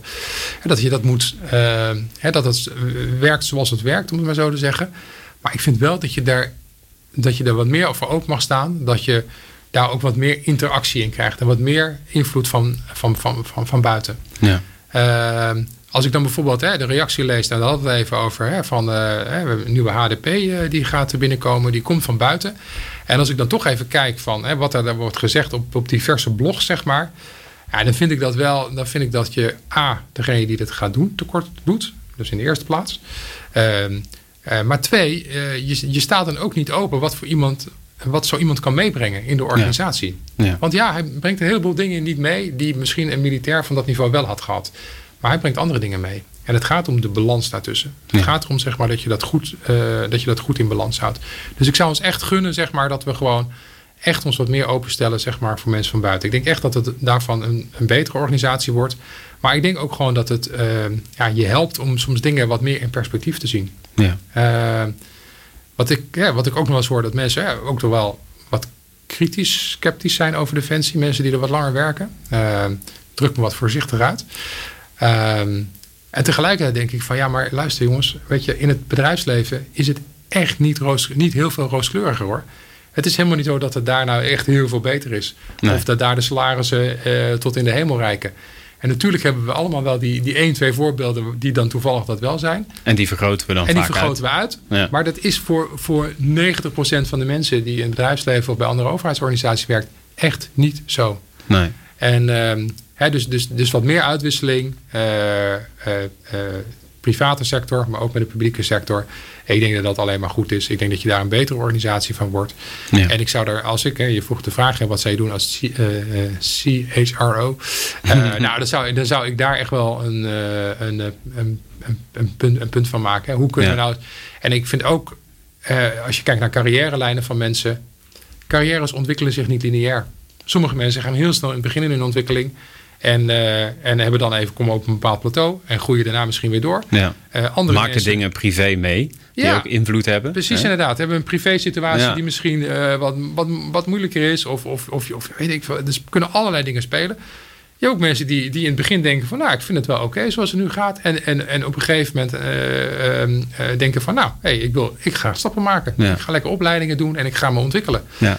En ik vind gewoon dat, dat we daarvoor uh, dat, dat ons systeem hè, dat moet kunnen faciliteren. Het systeem mag daarin niet leidend zijn. Nee, het systeem moet menselijke groei uh, faciliteren, uh, maar moet het niet voorschrijven. Ja, ja. En hoe gaan onze opleidingen eruit zien? We hebben een KIM, KMA, we hebben een KMS. Ehm, eh, ik weet dat het vroeger, ik weet niet hoe het nu precies in elkaar zit, dat we echt wel op veel vlakken generalisten op aan het leiden waren. Mhm. Terwijl we er toch steeds meer achter komen dat mensen toch echt wel uniek zijn. Uh, de ene is echt een, eh, een analyticus, de andere is heel sociaal, de andere is een strateeg, de andere is een visionair. Ja. meer voorkeur. Ehm, hoe kijk je daarna vanuit als je kijkt naar de digitale transformatie? Ik denk dat specialisatie, als je het zo noemt, ik denk dat dat cruciaal is. Ehm, en ik denk dat met alleen uh, generieke kennis uh, ga je het in ieder geval in het digitale domein, ik beperk me maar even tot het digitale domein, ga je het niet ehm, kennen, redden. Um, toen ik mijn sollicitatiegesprek had, hè, toen zei ik eh, van wat, wat vind je nou belangrijk als, als CEO? Hè? En toen zei ik, ja, ik vind dat inhoudelijke kennis belangrijk is. Uh, inhoudelijke IT-kennis in mijn geval en inhoudelijke data science kennis. Uh, en, en, en daar werd op een gegeven moment op teruggegeven, ja, maar je hebt heel veel mensen die dat voor je kunnen doen. Hè? Je hebt heel veel mensen die er allemaal verstand van hebben. En daar ben ik het. en ja, dat is zo. maar ik wil zelf ook mijn orders over kunnen doen. Ik vind het belangrijk dat als ik over data praat en over algoritmes praat, dat ik weet wat een algoritme is. Dat ik weet uh, welke vragen ik moet stellen. Uh, dat als ik het over data heb en over data governance heb, dat ik weet hoe dat, uh, wat voor modellen je daarvoor kunt gaan gebruiken. wat de voor- en nadelen daarvan zijn. Niet tot op specialistisch niveau, maar wel dat ik in staat ben om een gesprek te voeren met mensen over het toepassen van algoritmes. Ehm, en om uh, vragen te stellen over een algoritme wat er gebouwd is. Van, goh, heb je bijvoorbeeld daar aan gedacht? Heb je daar aan gedacht? dat je ook in staat bent om het inhoudelijke uh, gesprek te voeren. Die inhoudelijke verbinding te maken. En niet alleen maar op dat generieke niveau zeg, te blijven zitten. Mhm. Dus ik zeg voor data en IT is dat, is dat heel cruciaal. Ehm ten aanzien als je gaat praten over het KIM en KMA, uh, denk ik dat zijn prachtige opleidingsinstituten hè, met, met, met veel traditie, met veel ja, historie. Zeer zeker. Ik denk dat je dat, dat moet je koesteren. Uh, dat creëert ook trots. Ja, precies. Ik denk dat het heel belangrijk is. Uh, tegelijkertijd, en daarvoor ben ik ook in gesprek hè, met de NLDA, zijn we aan het kijken van, goh maar, op dat moderne oorlogsvoeringsvlak, hè, als je praat over data en IT en cyber, ja, wat, wat moeten dan toekomstige officieren moeten dan wel in een mandje hebben zitten? En ik wil wel dat als jij uh, wordt gestuurd door een algoritme, om het maar zo even te zeggen, dus het algoritme gaat jou voorzien van handelingsperspectieven, dat jij wel begrijpt uh, uh, wat een algoritme is. En als jij praat over bijvoorbeeld, ja, voor je weet wordt het heel technisch, hè, maar over optimalisatiemethodes, dat jij wel, dat jij wel weet hoe zeg maar, parameters in zo'n algoritme, dat dat, hoe, dat hoe die tot stand komen. Ja. Uh, om te voorkomen uh, dat jij een algoritme krijgt wat een self-fulfilling prophecy is. Hè, wat, wat je veel ziet, wat er veel gebeurd is en waar ook veel is bijvoorbeeld uh, algoritme wat bijvoorbeeld als je bijvoorbeeld een bepaalde patrouille moet lopen. ik noem maar iets. En dat algoritme dat constateert, nou, dit is, dit, is een, dit is een area, daar moet je zeker komen, want daar gebeurt altijd wel iets. Ik noem maar wat. Ehm, maar door er naartoe te gaan, voed je dat algoritme, want dan gebeurt er ook iets. Mhm. dus je vindt dingen. Wat vervolgens, als je dat vervolgens weer gaat gebruiken, die data, om jouw algoritme beter te maken, zal het algoritme zich alleen maar gaan versterken. Om juist alleen maar in dat gebied uh, zeg maar, je patrouille te gaan doen. En dat algoritme wordt op die manier blind uh, ja, voor de rest. Het lijkt wel een digitale conditionering. Ja, het is een, precies. Het is, een, het is inderdaad een digitale conditionering. En je ziet het ook met fraude op sporen. Hè? Op het moment dat jij bijvoorbeeld eh, zware gewichten toekent in een algoritme aan, uh, nou, er is veel om te doen geweest bij de Belastingdienst, maar uh, bepaalde factoren zwaar laat weten, dan ga je daar ook dingen in vinden. Ja. Als de politie constateert dat in een bepaalde wijk altijd veel criminaliteit is, waardoor ze daar meer gaan surveilleren, dan zullen ze daar ook meer criminaliteit gaan vinden. Ja. Snap je? Dus het wordt een soort versterkend iets. En als die data dan weer wordt gebruikt om dat algoritme te verbeteren, ja ja, dan wordt het algoritme wordt, wordt feitelijk wordt geconditioneerd uh, om één kant op te gaan. Welke competenties zijn dan uh, om dat te ondervangen? Want ik hoor je ook zeggen, uh, je hoeft echt. Uh, het, is, het is goed dat je inhoudelijk mee kan praten. Hè? Want je kan moeilijk alle officieren opleiden tot een data-analyst. dat kan gewoon niet. Hè? Dat willen we ook niet. Uh, maar welke competenties? Um, binnen Defensie is er natuurlijk een competentiewoordenboek. Volgens mij, nu ga ik misschien gekke dingen zeggen, bestaat het uit 4 of 26 competenties. Ja. Die je in meer of mindere mate moet bezitten ja. naar gelang je functie. volgens mij, in mijn beleving, in mijn vakgebied vanuit coaching, training, zijn er echt maar een x aantal competenties die je echt goed kan bezitten. Ja. Ehm, welke competenties zijn er minimaal, in ieder geval vanuit jouw vakgebied, die de, de, de, de leider van de toekomst echt wel in zijn pakketje moet hebben? Ja, wat ik heel belangrijk vind is dat je een bepaalde helikopterview hebt. Hè? Dat is dan geen competentie. Dat zal zich dan terugvertalen in competenties zoals bijvoorbeeld uh, dat je analytisch uh, bent en dat je mm bepaalde mate van conceptueel kan denken. Ja. Uh, dus ben je in staat om, om even boven die materie uit te stijgen. Om te kijken van, hé, hey, wat gebeurt hier nu? Hè, dus in zo'n voorbeeld van zo'n algoritme, wat we net ook bespraken. Ben je in staat om daar zeg maar boven die materie uit te stijgen. En te kijken van, hé, hey, dit, is, dit is bijzonder. Uh, het lijkt erop dat dit algoritme convergeert naar een bepaalde oplossing toe. Uh, daar heb je denk, analytische vaardigheden voor nodig, maar ook conceptueel denkvermogen voor nodig. Ik denk dat dat zeg maar dat heel erg belangrijk is. Tweede, eh, wat denk ik heel belangrijk is, is dat je uh, ook in staat bent om dat gesprek te kunnen voeren. Uh, en ik weet niet hoe je competentie heet, maar om het gesprek te kunnen voeren met jouw mensen. Ja. Van uh, hoe, hoe kunnen we dit nu, zeg maar, wat gebeurt hier nu? Wat, wat, wat, wat zien we nu gebeuren? Zonder daarin veroordelend te zijn. Ja, sociale vaardigheden. Dus. Maar het praten van ben jij in staat om, zeg maar, dat gesprek op het juiste niveau te kunnen voeren. Ja. En ook tussen die niveaus te kunnen schakelen. Want in de bestuursraad moet ik een ander verhaal vertellen Ehm, dan dat ik ehm, eh, bij een eenheid kom. Ja. dan praat je over een ander niveau. En tegelijkertijd gaat het over hetzelfde onderwerp. dus dus het, het kunnen schakelen tussen die onderwerpen uh, is dat leiden denk ik heel erg belangrijk. dus dat je zowel op, op, werkniveau begrijpt wat er gebeurt.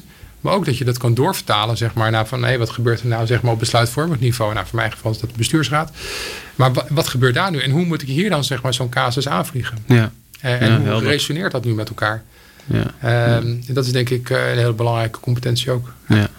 Hey, langzaam uh, naar uh, het einde. Ik wil nog heel even kort uh, waar jij vandaan komt. Want je werkt, zei je, iets meer dan een jaar nu binnen Defensie. Ja. Je komt uit het bedrijfsleven. Ja.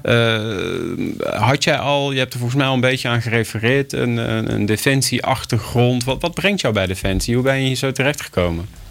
Ja, ik heb, het is goed om even het hele, het hele plaatje even te zien. Hè? Ik, ben, uh, ik heb inderdaad vijf, bijna 25 jaar in het bedrijfsleven gewerkt.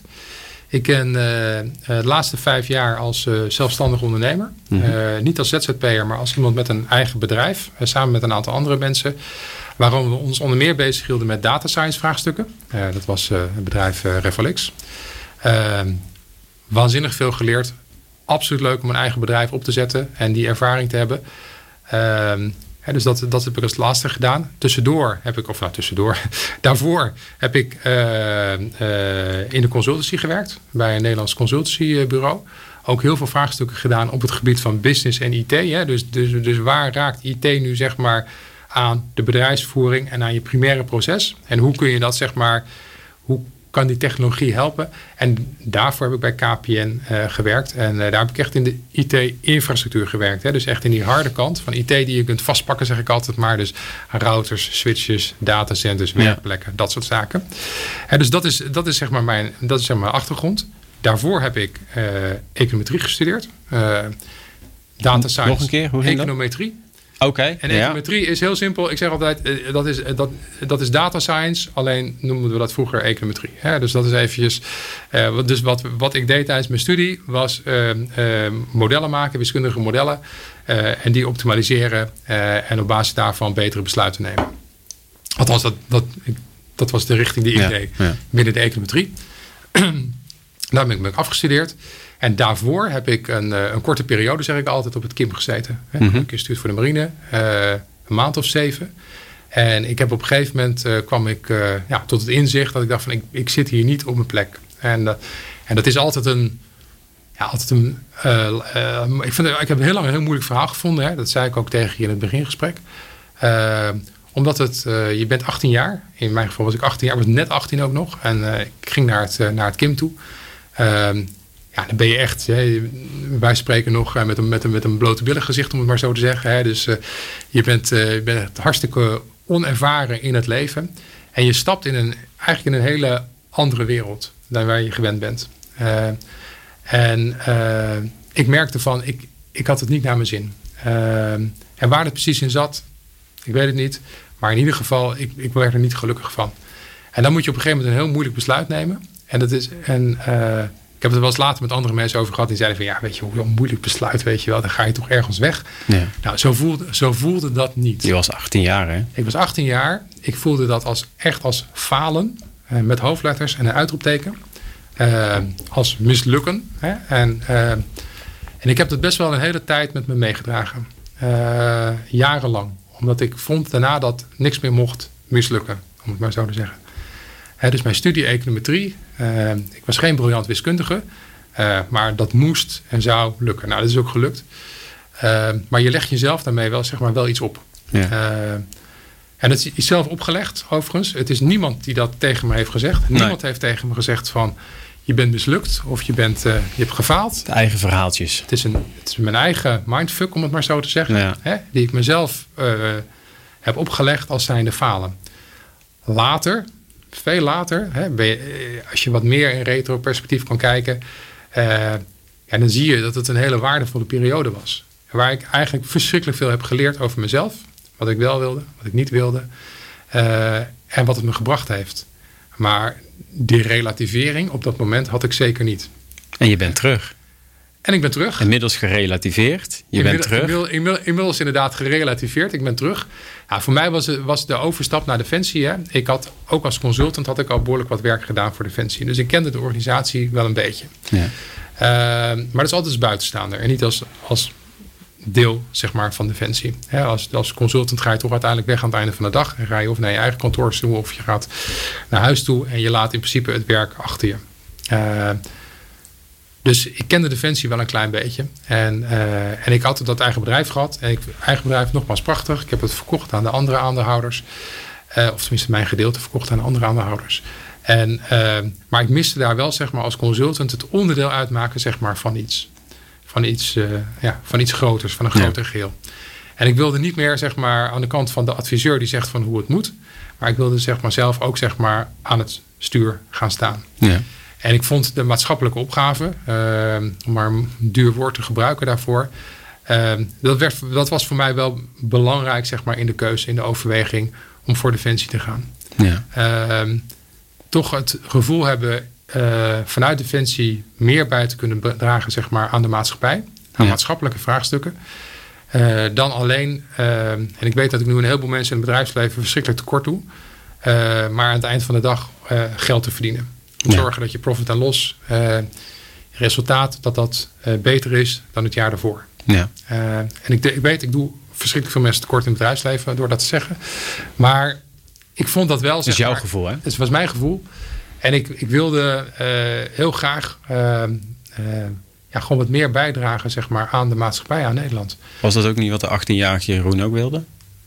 Ja, dat, dat, dat wellicht, alleen dan wel eh, eh, heel onbewust. Hè? Want waar ben je mee bezig als je 17, 18 bent? En je maakt de keuze op het moment dat je 17 bent. Hè? Dus ja, je bent er uiteindelijk op zoek naar van wat, wat lijkt mij leuk en waar denk ik dat er een, dat er een toekomst voor mij ligt. Ja. En uh, ik dacht toen van, nou weet je wel, ik ga dit doen, want dit is een, dit is een kans die ik krijg en het is een once of a lifetime kans hè, die, ja. die er binnenkomt. Uh, ik zie nog uh, zeg maar, uh, die zaal vol met uh, mensen zitten zeg maar, die daar solliciteerden. En het is natuurlijk ook heel gaaf als je door die hele procedure heen komt. En dat je uiteindelijk bij zo'n adviescommissie komt. En dan vervolgens krijgt te horen van ja, jeetje, je bent het geworden. Je bent Ja. one of them. Ja, ja. Ja, dat is natuurlijk ook wel heel gaaf. En dus, dus er willen bij horen. En dat, dat was wel, en dat speelde denk ik zeker wel zeg maar mee. Um, maar later, hè, dus denk ik, als je dus nu mij vraagt, is het ook wel zeg maar uh, erbij horen. Hè? Dat is consultant. Ja, consultant hoor je er eigenlijk hoor je er natuurlijk nooit echt bij. Hè? Nee, dus denk ik nee. net even 15 ja, ja, ja, jaar consultant geweest. Ja. Met een eigen bedrijf is dat ook weer anders. Want dan je eigen bedrijf verhoud je je anders zeg maar tot, tot je bedrijf dan dat je zeg maar daar ja, zeg maar in dienst bent, om het maar dat zo te zeggen. Ik, ja. dus je hebt, een, je hebt een andere rol, een andere positie. Andere motivatie. Andere motivatie ook inderdaad. He, dus dan, dan hoor je er op een andere manier ook niet bij. He. Dus, dus zeg maar een onderdeel ergens van uitmaken is wel een thema voor mij wat wel degelijk zeg maar meespeelt. Ja. En ik vind het hier heel mooi dat ik een, dat ik een onderdeel uh, uitmaak zeg maar, van defensie van een grote geheel met een hele belangrijke maatschappelijke taak. Ja. En, ja, en ik hoop hè, uh, uh, dat mijn bijdrage en mijn rol er zo toe leiden dat, dat ja, het belang van defensie uh, nog iets beter wordt ingezien. Uh, ja. Ja. En dat we weer een aantal stappen daarin kunnen nemen. En ik ben, ik ben maar een enkeling daarin. En we doen het met elkaar. Hè. Het is een gezamenlijk iets. Maar ik hoop dat ik daar in ieder geval een, een klein steentje aan mag bijdragen en ja. kan bijdragen. Ja, mooi. Ik vind dat een hele mooie afronding. Uh, dan weten we ook een beetje wie jij bent en waar je vandaan komt. En ik vind het een prachtig verhaal. Ik denk dat, we, uh, dat mensen een beter inzicht hebben in uh, wat er eigenlijk op ons afkomt. Uh, op het gebied van cyber, data. Ehm, wat daarvoor nodig is, hebben we het ook over gehad. we hebben het een stukje over de mens in verhouding tot, tot data gehad. Ehm, is er nog iets wat we gemist hebben dat je denkt van als een soort laatste. Last famous words. Uh, ja, nee, ja, goed. We hebben een heel breed, uh, voor mij een heel breed gesprek natuurlijk met elkaar gehad. Um, ja, ik zou wel willen meegeven hè, voor, voor de mensen bij Defensie. Uh, gewoon gewoon we, wees trots op wat wij met elkaar iedere dag doen. Uh, ik denk dat dat echt, wel, dat echt wel belangrijk is. Dat vergeten we wel eens. Hè. Uh, dan overheerst toch een beetje van de dingen die misschien niet goed gaan. Ja. Maar realiseer je, er gaan een heleboel dingen gaat er wel goed. En ehm, ik zeg altijd, hè, ieder, iedere dag ietsje beter. Hè.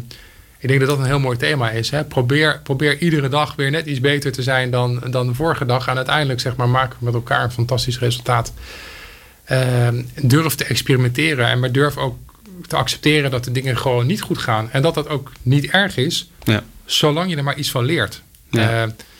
Uh, ik denk dat, ja, dat, dat vind ik zelf ja, het belangrijkste. En uh, ja, nogmaals, ik kan ik had nog graag uh, veel dieper op, op, op data science ingegaan en, uh, en met mooie voorbeelden. Maar ik, ik, vertel daar regelmatig over. Dus daar komen we of een andere keer op terug uh, of in een andere setting. Super. Dankjewel. Dus dankjewel. Thanks. Voor het gesprek. Yes. Ja.